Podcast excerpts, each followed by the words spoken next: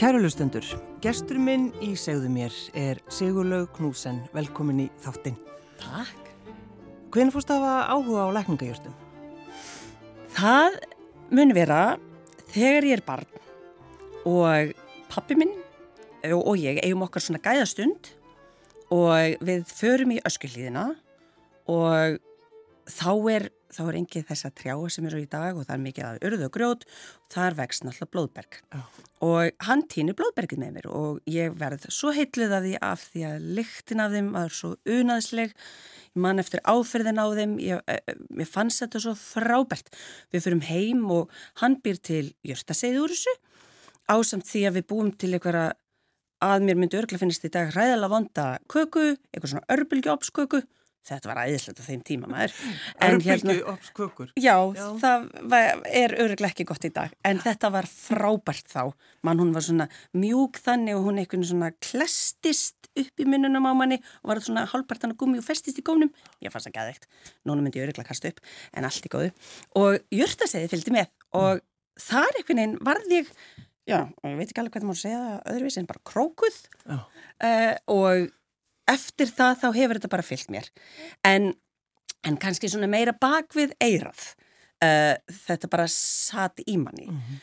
uh, svo er það þannig líka að hann afi minn, afi áskrimur hann, pappi pappa uh, hann var garðísku maður garðísku fræðingur, læriður í bandaríkjunum einn af þeim fyrstu sem koma til landsins og byrjað að rækta Uh, fyrir markað mm. og uh, býr til gróðurhús og hann setur það upp þannig á laugafrætni og hann var þar með alveg blussandi blussandi hérna viðskipti var með held ég þrjú eða fjögur hús og var aðmérskilst einn af þeim fyrstu sem já, kynnti Íslendingum fyrir að það var paprika held ég eða chili, eitthvað álíka Pappi hefur oft sagt mér sögu frá því þegar hann var eitthvað hjálpunum sem úlingur þennan og, og þá var hann líka sko með uh, gúrkur og þá fannst honum sko skemmtilegast að, að fela nokkrar af gúrkunum þannig að það myndi ekki sjást, þá verður það ekki tindar, þá myndi það bara stækka og stækka og stækka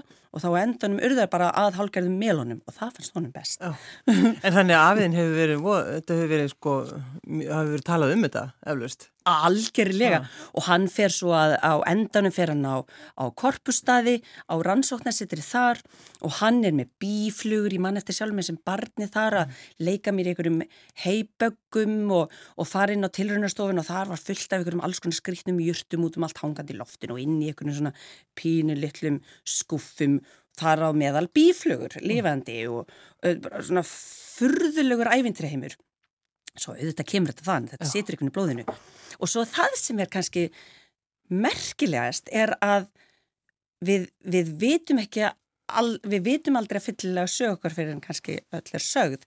Og um daginn er pappi aftur að fara í gegnum gamlar ljósmyndir frá fjölskyldinni Og hann er að, hann kann svolítið á, á uh, Photoshop og er svolítið í ljósmyndun, gammal fréttamaður og svona lagað, svo hann, hann hefur verið að taka uh, til sín og, og sem sagt laga þær að nýju. Og, og uh, þarna er hann að finna alls konar gull og gersifi og þar meðal mynd af nöfnu minni, langumi minni, Sigurlaugu sem að var hérna pressfrú á torfastuðum í, í biskustungum og það var já, kannski rosalega gaman að náttúrulega fyrst og fremst að bara sjá fólkið og fötin þeir og, og hérna hvernig fólk lættist og var á þessum tíma.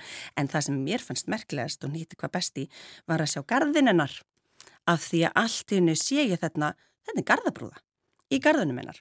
Og það er alls konar meira, það er einhver ætikvönnina og það er einhver gresin sem ég sé ekki alveg fyllilega hvað er, kannski ekki fyrir hann að pappi búin að vinna, uh, vinna myndinar en það var augljóst að hún var með lækningajörtir í gardinu sínum og þá fyrir ég að hugsa, já, þetta, þetta helst svolítið hendur við það sem ég er að týna til dæmis. Ég týni mikið til á vestfjörðum, jú, og ég týni líka hérna á Suðurlandinu, en, en þegar ég er í göngutúrum og ég sé, eða bíltúrum eða hvað, uh, og ég sé eðibíli, þá er ansi góð þumalpjötaregla að fara þangað því það er svo mikið af jörtum og það er vegna þess að fólk var að rækta. Ég held að sagan okkar segi ekki alla söguna. Við erum kannski jafnvel búin að sko rángskra á sögun okkur að einhverju leitun til. Við vorum ekki bara að borða uh, súran mat og, og, og kval og eitthvað og geð, fyrir geð, fyrir þá sem finnst það gott. En, en hérna, ég held að við vorum að borða mun fjölbreyttir matheldur en kannski sagun okkar segir. Því að Flóra Íslands til dæmis, svo bók, sú, það fræðirinn, það sínir það eru alls, allslags heimildir þar inni sem að segja ótrúlega áhugaverða hluti eins og bara, já nú gef ég bara dæmi eins og hérna spánarkerfil eh, þar segir tilum taktu stöngulinn úr spánarkerfili og sett hann í mjölkurgöðininn því þá sigrar hann. Þetta er bara hár rétt bara fullt af sigri í spánarkerfili nema bara góðum sigri og eh, svo að, já þú skilur hvað ég meina að það mun vera alveg víst að langa með mín til dæmis var með þessar jörtir í garðinu sínum ekki vegna þess að það er bara óvart auksuðar. Garðar þess tíma voru nýtjagarðar, alltaf. Þeir voru, fólk ræktaðar, fólk var með dýrin síndar, fólk var með jörtir sem það nýttu, það voru ekki skrautgarðar. Það konsept er, verður í raun og veru ekki fyllilega til fyrir en eftir stríð. Mm. Eftir að, að þérna góðærið byrjar, uh, þetta kemur mikið til fór bandaríkunum, Þar áður voru gardar, nýtjagarðar og á þessum tíma, þetta er hérna, þessi mynd til dæmis er frá eitthvað starf byrjun 19. aldar, 1910, 15 eða eitthvað þannig. Við getum verið alveg við sem um hún var ekki að rækta rósir og gardara, já ég veit ekki hvað þetta allt saman heitir. Liljur hérna sér til skrauts, hún var að öllum líkundum að nýta þetta. Oh. Og þetta er svolítið áhugavert því að gardabrúða er til dæmis uppálsjústin mín. Hva, hvað gerir hún? hún er til dæmis full af flottu stöfi.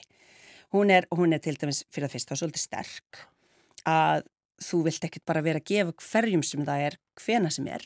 Þú vilt ekki vera að gefa óléttum konum hana til dæmis, ekki börnum, ekki uh, fullarinn fólki ef það er á öðrum livjum eins og þunglinslivjum eða söftlivjum af því að, af því að Uh, uh, það eru efni í henni sem að verka með livjónum. Þetta er alvöru dæmi sko. Mm. Justir er ekkert beint til að leika sér við. En þú, Sigurlega, hefur sko notað jurtir mm. bara á til dæmis strákiðin? Já, til dæmis. Þaðan, þaðan byrjar þessi, þessi ástriða frá mér. Þetta er orðið núna... Mm, 15 ára, 14 ára, ég maður ekki hvernig kannar, uh, gömur svona ástriða hjá mér. Hún kemur út frá veikindunum hans. Hva, hvað var það sem var að? Hann fekk sem sagt uh, sjálfsofunemi, ásakið, hann fekk sjálfsofunemi sjúkdóm sem að er nú ekki uh, svo íkja algengur, kallast á ennsku stilstisís eða fjölkerfagikt á íslensku Og þetta er eins konar bara, já, þetta er, þetta er, þetta kallast giktarsjúkdómur, þetta er ekki beint giktarsjúkdómur, þetta er bara sjálfsofnami. Uh. Eh, líka minn einhvern veginn vaknar upp með daginn og ákveður bara að drepa sig og allt fyrir gang. Og hans enginni voru uh, slík að blóðið hans fór í eitthvað algjört ruggl, sökkið fór upp yfir allar hæðir og... Uh, líffærin fór að bólna, milda, hjartað, uh, það er eiginlega bara allt annað heldur en heilin held ég. Ég held að heilin fá að vera í friði. Já. Allt annað fyrir rögl, augu og uh, útlimir og liðamót og bara nefndu það. Mm. Svo hann var afskapla veikur greið. Mm í, í tvö ár um það byll sem hann barðist við þetta. En hann fær náttúrulega, þú fær með hann til læknaðu þetta og það, hann fær hjálp en, en svo fær það að nota nota lækningjurti til þess að einhvern veginn að bara halda þessu áfram eða, eða hvað? Já, höfum það nefnilega alveg reynu lækning, eða sko heilbriðskerfið það bjargaði lífinans. Já, já. Reyndar, já, tók svolítið tíma, það var erfitt að greina enda við er það ekkert algengt að börn á þessum aldri eru með sjálfsofnami mm -hmm. og þú vilt nánast aldrei bæla ónæmiskerfið þeirra því það í langflestum tilfellin bara drefur mannesku. En í þessu tilfelli þá var það það sem bjargaðunum á endanum mm. eftir, að, eftir að hann var búin að fara í gegnum helriti tilbaka svona tvisa þrísa sinum. Og það náðist bara svona rétt svo að bjargunum í sjálfu sér og eftir það þá byrjar ferðlega snúast við. Eitthvað sem við vorum búin að sjá bara verða verra og verra og verra með á, á mörgum mánuðum. Það er til loksins þá snýrstæmið við. Það kemur þennan maðurinn sem bara bókstala bjargar lífun hans. Uh, Jón er Kristinsson, barnagiktarlæknir. Hann greinir hann rétt, byrjar að setja hann á ónæmisbæland liv og krabbaminnslif, stera, alveg uh, uh, mikla dósis af styrum og, og þar með byrjar hann, svona, byrjar hann þessu bataferli mm. og það gengur vel alveg framan af þar til allt í einu ykkur mörgum mánuðu setna þegar við erum með þessu komin heim með hann þá hérna með langri snúru reyndar notabene en þá, þá bara raði vestnur honum aftur og ég fyrir að velta mér bara hvað er málið? Hvað er það að gera? Af hverju er hann alltaf vestnur núna? Og þá fyrir maður að hugsa, ok, jú, hvað segir fólk sem er lasið, fólk fær krabba minn og fólk fær hitt og þetta og jú, þá þarf það bara að taka matræðið gegn. Og þá er það kveiti og það er sigur og það er mjölk og ég ákveð bara, já, tökum bara mjölkina, það hlýtur að vera fínt. Og án þess að ég íki nokkun skapaðan hlut, þá er það tveimutugum setna, þá sé ég uh, batnað, eða það er að segja breytingu til batnaðar mm. og, og það miklar. Og mér náttúrulega bregður svaklega við þetta en þegar svo betur, að, betur aðeir gáð þá er það kannski ekkert skrítið. Af því á þessum tíma þá byggum við fjölskyldan á uh, já, hérna út á landi uh, í skeið og gnúparreppi á, á uh, landi Ólasvalla húsi sem við þar beigðum og þar erum við að fá mjölk beint frá bonda mm bara beint úr kunni og hún er þá náttúrulega einn sterk og hugsa sketur, þetta er náttúrulega vakstar hormónar fyrir kálfa og svonur minn er ekki kálfur. Og þetta náttúrulega setur allt í ruggl svo að þá byrjar eitthvað ferðalag sem hefur verið í gangi ætíð síðan. Þar sem ég sé bara svörstu kvítu ef að svonur minn gætir ekki að matræði sínu kvíld, lífverðni, öllu því er við kemur, þá fer alltaf stað. Það sem sagt situr eftir í honum krónisk liðagikt fyrir neðan mitti sem verður alltaf minna og minna og minna af og í dag er hann 15 ára og ullingur, reysa stór snáði sem að hérna varla finnur fyrir nokkru. En það kemur endrum eins. Mm. En þetta er náttúrulega matræð. Já. Algjörlega. Áðan við höldum áfram að tala meira um mat, Sigurlu Knúsen, þá eh, er það söngurinn. Við getum mm -hmm. ekki, við getum ekki sleftir aðeins að fá að vita það. Þú ferð út í nám. Jú. Það, þú, þú varst með drauma. Já, ég ætlaði að verða heimsfræg sönguna sem gerðist ekki alveg. En mikið opbúslega fegin að það gerðist ekki. Í, í alvöru.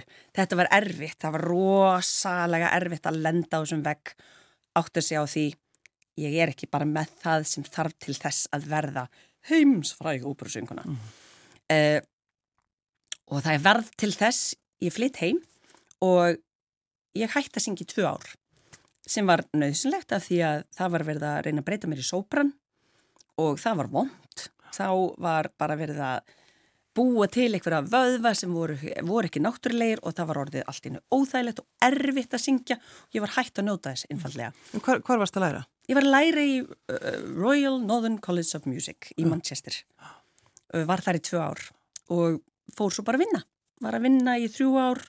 Þá, þá úti eða? Já, úti. Ég hérna uh, bæði kendi uh, en ég var líka frílans og söng viðsvegar bæði með Evrópu, fór í, ég túraði til dæmis heilt ár, kefti mér húsbíl og bjó bara í honum svona mikið til sko, svo fór ég alltaf heiminn á milli sko. En þetta var, þetta var skemmtilegt ævintýri. Og uh, já. Að bú, búa í húsbíl og syngja. Búa í húsbíl og syngja, það var æðislegt. Og þar var ég með eldavél og ég var með sófar sem ég dróð út og þá var hann orðin á hjónarúmi og ég var með svona sætargardinur og þetta var krúttulegast í húsbíl í heimi, ég sagt hann senda það í dag. Hann er núna orðin að hænsnóhusi hjá frenda mínum, svo hann er ennþá lifandi en bara í annari mynd. Já, já. En já, en það var, það var skemmtilegt, það var eins og ég segi, mikið æfintýri.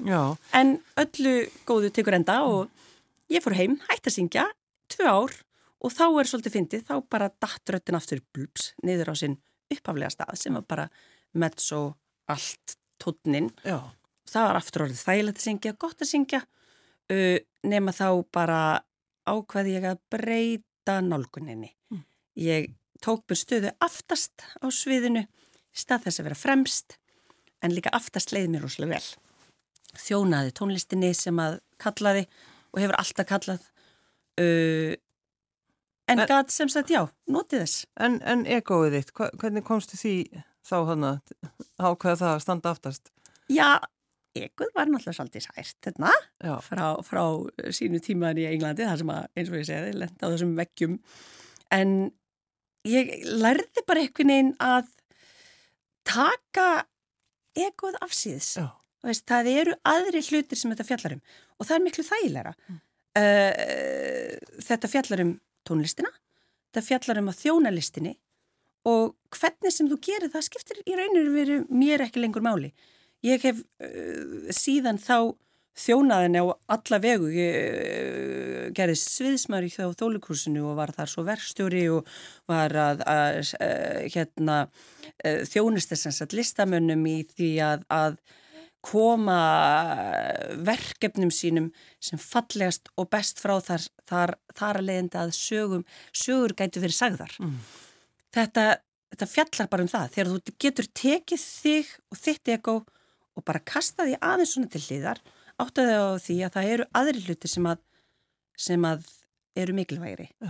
Þá, þá allan að fann ég aftur hamingina í því að þjóna tónlistinni, þjóna sviðinu, þjóna leiklistinni, hverju sem það er, þá bara, þá skiptir ég ekki málinu lengur. Það, það skiptir málinu að koma sögunni eða tónlistinni að til, já, til, til síns heima. Mm. Uh, Ertu ekki þá, þú ert í Íslensk óprunni, eða ekki? Jú, ég er búin að vera þar í þó nokkuð mörg ár, alltaf sé ekki bara orðið allt og mörg ár, orðina möblu bara. Já. Þannig að þú ert að taka þátt í öllum síningum sem eru settur upp þar? Mjög mörgum, já, já. í kóri Íslensk óperunar. Það er, það er ákveðlega gott fólk og gaman að vera. Já, hann hljómar líka mjög vel. Já, það er ekki fyrir, það er ekki fyrir. Það er ekki að segja hana. Það er eitt að vona það. Já. Þannig að þú færð, svona eins og þú segir, þína útrós fyrir sköpunum mm -hmm. að standa þar á sviði. Akkurat. Já. Þá getur maður farið í hlutverk og glimt sjálfu sér og farið og sagt sögur og í, í formi tónlistar og sleið og hjartarstrengi mm. og þetta er, þetta er hamingja Já. Og það er svo gott að gleima sjálfins sér svo að, en þetta er náttúrulega ekki full vinna það hefur nei, nei. engin full að vinna af slíka á Íslandi að fæstir en svo maður verður að gera eitthvað annað Já, en, en svo hefur verið í, í kórum líka, það ekki? Jú Uh, ég hef bara verið þeirra forréttinda njótandi að, að ég hef geta valið Já. hvar ég syng og með hverjum og hvernig mm. og það er kannski vegna þess að ég hef ekki ég hef ekki haft þessa dauðans þrá að þurfa að syngja alltaf allstaðar heldur ég get bara ég get bara ekki sungið í halvt ár, það er bara allt í læg já. og svo kemur eitthvað verkefni sem er svona já þetta er flott, þá bara já þá bara fer ég að gera það. Og svo ég fengið að syngja með skólakontúrum sem er það best í heimi af því það er svo mikil músiserung og er svo, þetta er eins og að þetta er eins og að vera hljóðfæri, mm. þú ert hljóðfæri en þar færðu virkilega að vera hljóðfæri og þar er bara að spila á þína strengi en og e, sem jarðafarakórum þar sem ég nýt mín og svo náttúrulega eins og fyrir saði í Íslensk óbrinni. Svo bara nenni ég ekki að gera mikið meira en það. En þegar, þegar þú getur ekki sungið, mm -hmm. þá uh, ferða að hugsa um mat. Já. Og þú og vinkunæðin. Mm -hmm. Hún hildi kunnar einarstóttir. Já, þeir fóruð eitthvað að stinga saman efum. Við gerðum það bókstaflega. Sko það kemur út frá því eins og ég nú sagði fyrir hérna í morgun að, að við sem sagt erum í sumrött við erum í allt og syngjum mikið til saman í skólakontorum eins og fyrstæði og Íslenska óperunni og við erum sem jörðaförum og svona, við erum alltaf við hliðin okkur annari Já. og ofta þessum stundum þá þarf að býða og býður og býður og býður og þá fer manni stundum að leiðast það er nú bara þannig, en það má ekki tala hátt svo að fólk tekur sitt með sér sem er prjóna, aðri fara að lesa ykkur bækur við tókum alltaf uppskriftir og uh, matartímarit og eitthvað svona og fórum að stinga saman nefjum og hvað er þú að lesa núna? Já, ég er svona, er þú búin að sjá þessu uppskrift? Og fórum svona að deila þessu mm. og þar kviktnar þessi, þetta ástarsamband, þetta matar ástarsamband. Og við fórum svona að spekla og hvað gæti við nú gert? Og opna veitingast, já, opna kaffihús og svo kemur COVID. Og það bara, heyrðu, já, mannstu hérna við vonum einhvern veginn að hugsa um að opna kaffús, hvað sérum við bara ef við ekki bara fara að gera það? Við höfum hvora en þetta að gera. Allavega ekki tónlistinni. Og þá bara fórum við að pröfa að búa til eitthvað svona fallega bakka. Hildegunir sem mikill fagurkeri afskapla fallegt auga og, og svona sans fyrir litum og, og útliti. Hún er bara frábær í þessu. Ég er miklu meir í brauðunum og einhver svona saman kurla við einhver ruggli mér finnst gaman að leika mér. Og saman var þetta bara að einhverju ruggli ég bara segi það þannig, þetta er bara ruggl og fólk var hrifið. Og við bara gerðum meira þessu og svo kemur einhvern veginn tækifæri á því að, að búið til pop-up veitingus að ég hef alltaf verið að vinna líka við matarmennsku svona af og til. Mm. Í, þegar maður er sjálfstæðstarfandi þá þarf maður ofta að hlaupa inn í hitt og þetta og ég náttúrulega vildi bara gera það sem ég hafði áhuga á. Og ég hafði alveg vissan grunn sko.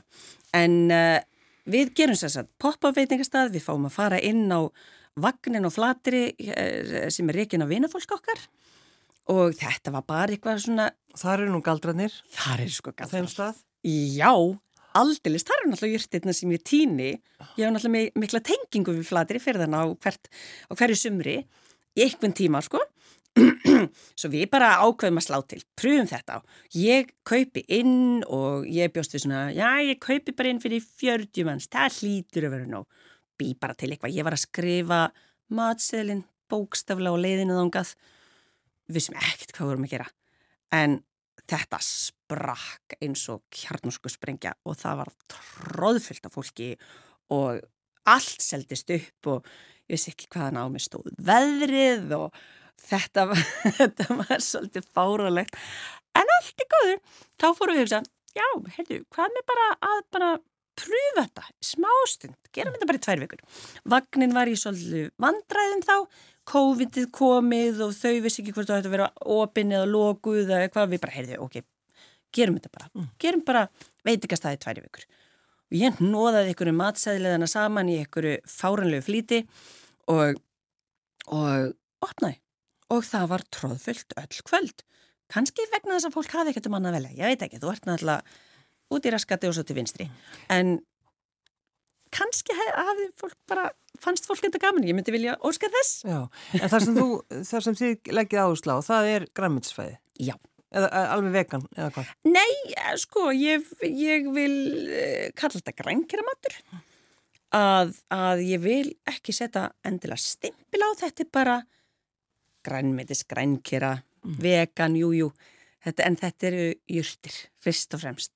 Þetta er allt bara, þetta er matur sem að gengur út á það að að setja jörtir á diskinni og þá bara kemur að því aftur þess sama og þegar að sonum minn var veikur ég var með þessu jörtir, ég vissi að þær voru gáðar fyrir hann hann var samt eitthvað þryggja fjara ára gammal hvernig ætla ég að koma þessu þessari brennin ætla ofan í hann, jú ég bara, herðu, ég bara mauka þetta niður býtið súpu, frábært! Hún var svo gott og hann borðaða uh.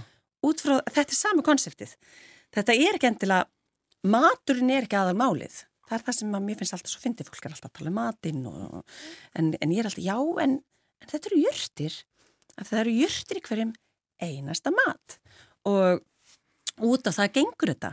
Ég bara vonandi er fólk ekki veikt sem eru að koma til mín heldur, heldur eh, en ég get vonandi látið þeim líða aðeins betur eftir þau fara frá mér. Mm að, það, að þetta kannski maður getur kallað þetta lækningar mat eða eins og svona, það er allt í hashtagum í dag og það er þetta hashtagað medicine food en þetta er ekkert endilega það bara um, þú veitum maður getur sett alls konar stimpla á svona hluti en, en þetta er í rauninu verið bara samannóð af alls konar mm. Sko, náttúrulega jörtir á Íslandi þetta, mm. en þú ert líka þú, þú vilt fá jörti frá Marokko Uh -huh. Hvaða júrstir eru það? Það eru kryttin, kryttin eru svo geggjuð þaðan svo að þetta er ef maður á að fara að stimpla eldursteikjunum þá er þetta infusion. Já. Þetta er infusion af íslenskum lækningahjörtum, uh, íslensku ítlgresi sem ég vil kalla góðgresi. Þetta eru hjörtirna sem bara vaks út í gardinniðinu sem fólk oftast nær þólir ekki og vil bara eigða út en þetta eru hjörtirna sem eru nýtjahjörtirnar okkar. Mm. Þetta eru gömlu hjörtirnar okkar sem amma mín hafi í gardinum. Já, já. Ég vil upphefi þær aftur til síns síns rétta staðis sem að e, er ánáttúrulega bara heima á disknuðinum af því það er gott bræð af þessu, sjúklega gott bræð af þessu eins og bara spánakerfilni fyrir aftur á honum, þetta er servil þetta er raun og veru bara kaupir þetta í Fraklandi fyrir dýrun dómum. Þetta er, er sjúklega gott bræð af þessu. Já. en saman með af því að sko maturinn minn er, hann er svolítið miðausturlenskur. Það bara gerðist óvart eitthvað, það er bara þánga sem maturum fer. Af því að, af því ég vil brögð mm. og ég vil að maturinn sé góður fyrir þig þá er það kryttin málið er að kryttin öll hver eru lækningagjörtir líka. Kanilli lækningagjört negulli lækningagjört og það bara vil svo til að það er bara frábært bræðaðum líka. Svo að þá er ég svo heppin að ég á æðislegt fólk að þenni í Marokko og þau eiga bara sinn eigin byrja uh, frábær Karl sem setur inn í einhverju pínunni lítilli búð með hyllum alveg frá uh, gólfi upp í heiminhæstu hæðir og þær eru stútfullar á jörtu hún kemur þánga inn vinkona mín og, og segir bara já ég ætla að fá hérna kíló of kanil, ég ætla að fá þetta og þetta og þetta og svo bara viktar hann þetta og hann fer þetta beint frá bonda, mest allt hvert og það er, það sko, þú, þú getur varla borið saman brauðin að þessum kryttum. Þetta er valla, það er valla hægt að setja samanbyrða á kanilunum sem þú kaupir út í bónus og kanilunum sem ég fæ frá þeim. Það er bara allt annað bræð. Það er allt önnulikt. Allt önnulikt. Þið fór, voruð þarna í, í vagninum, mm -hmm. eða á mhm. vagninum á, á flatri, mm -hmm. en núna já, þið haldið áfram að fá góður hugmyndir, þú og Hildikunur Sjólaug. Hvað var það sem þið gerðu næst? Já, næst var það næst var það að já, sko, við kynnust honum Róberti Magnúsinni uh, á Flateri hann er matargæðingur líka opuslega dögleg maður og, og hefur verið að uh, reyka hérna Reykjavík Street Food og hann hafði áhuga á því að fá okkur inn og gera svona pop-up mm, matarmarkað í Reykjavík mm. var þar komin með uh, aðsetur hjá á gamla já, í hérna gamla skelfiskmarkaðshúsinu sem alltaf satt bara tómt mm -hmm. þessi, þessi þetta frábæri hús með öllum þessum frábæri innréttingum og það var bara alltaf verða fyrir skemdum í raun og veru, engin að nýta þetta og engin að nota. Bara ótrúlega sorglegt. Hann kom þángað inn lesi þetta lífi, COVID er einnig að spila aðeins þann inni, svo við komum aðeins setna heldur um ætlum okkur. Við, svona, eh, liðum, það er leið og beigð svo ákveðum bara, nei, heyrðu, fjandakotni við langar bara að gera þetta. Og svo ég stökk á þetta. Hildigunnur er þá bara farin að syngja bara komin í önnur verkefni. Svo ég ákvað bara að gera þetta Þetta er líka uh, svona uh, henni til varnar þá hefur veitingahúsareksturinn alltaf verið meira mitt hjarta. Uh, hún, er, hún er á öðrum, öðrum sviðum en mér er það mikið mál og hún sé samt með mér mm -hmm. af því að ég fæ svo mikil, mikil innblástur frá okkar samstarfi og ég fæ svo mikil styrk frá henni. Mér er svo mikil ógn að vera bara einn. Það er bara það ræðilegsta sem ég veit í lífinu svo ég vil ekki vera eini í þessu.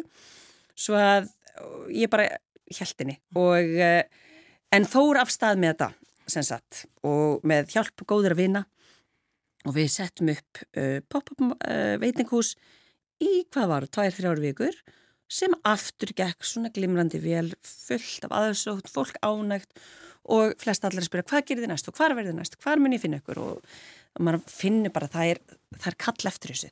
Markaðurinn, það bara vandar þetta. Mm. það vandar fyrir grænkera fólk að setja sniður einhverstað nýri bæ, ekki fá bara sesasalatið án sesasins, án kjútlingsins og fá bara, þú veist, einhverja afganga í raun og veru, heldur fá bara drottningunum aðsæðlinum fyrir þig og góða vínið með og þú þarft ekki bara að velja þennan eina eða tvo rétti af matsælinum sem þú getur borðað. Þú getur borðað allt og þetta er upplifun og þetta er upplifun sem bæði fólkið áskilið, þetta er upplifun sem að umhverfið áskilið og sem grannmitið og jörnstinnar eiga skilið. Að taka þetta konsept og upphefja það til þess sem það, það á heima mm. og og ekki er verra þegar fólk spyrir bara byrju hvaða bræðið er þetta, ég hef aldrei smakka svona, það er bara já þetta er hérna þetta er njólin í garðinu þínum sem þú ert að borða, þetta er ílgrisið þitt. Og fólk verður ofta tíðum hissa en það er til þessi leikurinn gerður, ég er að reyna að kynna fólki fyrir jörtunum sem eru alls þara í kring og upphefja til sinna metora sem þær eiga skilið og breyta mataræðin okkar hægt og bítandi ánþess þó að vera pretikætninit. Við langar bara að kynna fólki fyrir þessu, komið bara og smakki þetta og sjáu hverju gangi og, og þá kannski áttar fólk sig á því að grænkjara maturinn er ekki bræðulegs, gufusóðið, uh, eitthvað gums á diskniðinum, heldur er hann bara bræðu mikill, hann er hann er djúsi, hann er, uh, hann er kryddaður og hann er seðjandi og hann gerir því satan. Mm. Og þetta er það skemmtilegsta sem ég gerir bara núna. Svo núna ætla ég að bara vera hérna sila kokkur eða sila matselja. Það er núna nýja hlutverkið og já, og vonandi bara fá sem flesta til að fylgja á eftir. Já, og hvað hva ertu þá til húsa núna? Núna erum við komin í Norrannhúsið. Fengum sem sagt það tækifæri í samstarfið eh, matr, hann, hann árna þar, Ólaf, og hann var svo góður að fá okkur inn og þar er hann með kaffihús á virkundögum eh, nema það hann leifir okkur að koma inn og hafa umbreyta staðnum í fint veitinghús á kvöldunum helgar. Mm. Vonandi fáum við að opna líka eða getum við að opna líka á daginn. Það er svona allt í bígerð sko. Þetta er, í, þetta er bara önnur helgin sko. Við erum bara nýfætt uh, nema það að þetta er æðislu staður. Þetta er, þetta er æðislegu staður og ás og heima með matnum. Oh. af því að fólk er borðandi þarna hundasúrunu, salati eða hvað það er og hérna, hvað er þetta? Já, þetta nú vex nú bara þannig beint fyrir framann þetta, á, þetta, er, þetta er eins og að Sóna hafi bara svona eilítið komist bara heim til sín þetta helst allt saman þarna í hendur og kemur svona fullkomlega saman. Sigurlega Knútsen, uh, matselja og sönguna, mm -hmm. takk fyrir að koma. Takk fyrir mig, takk herlega fyrir mig.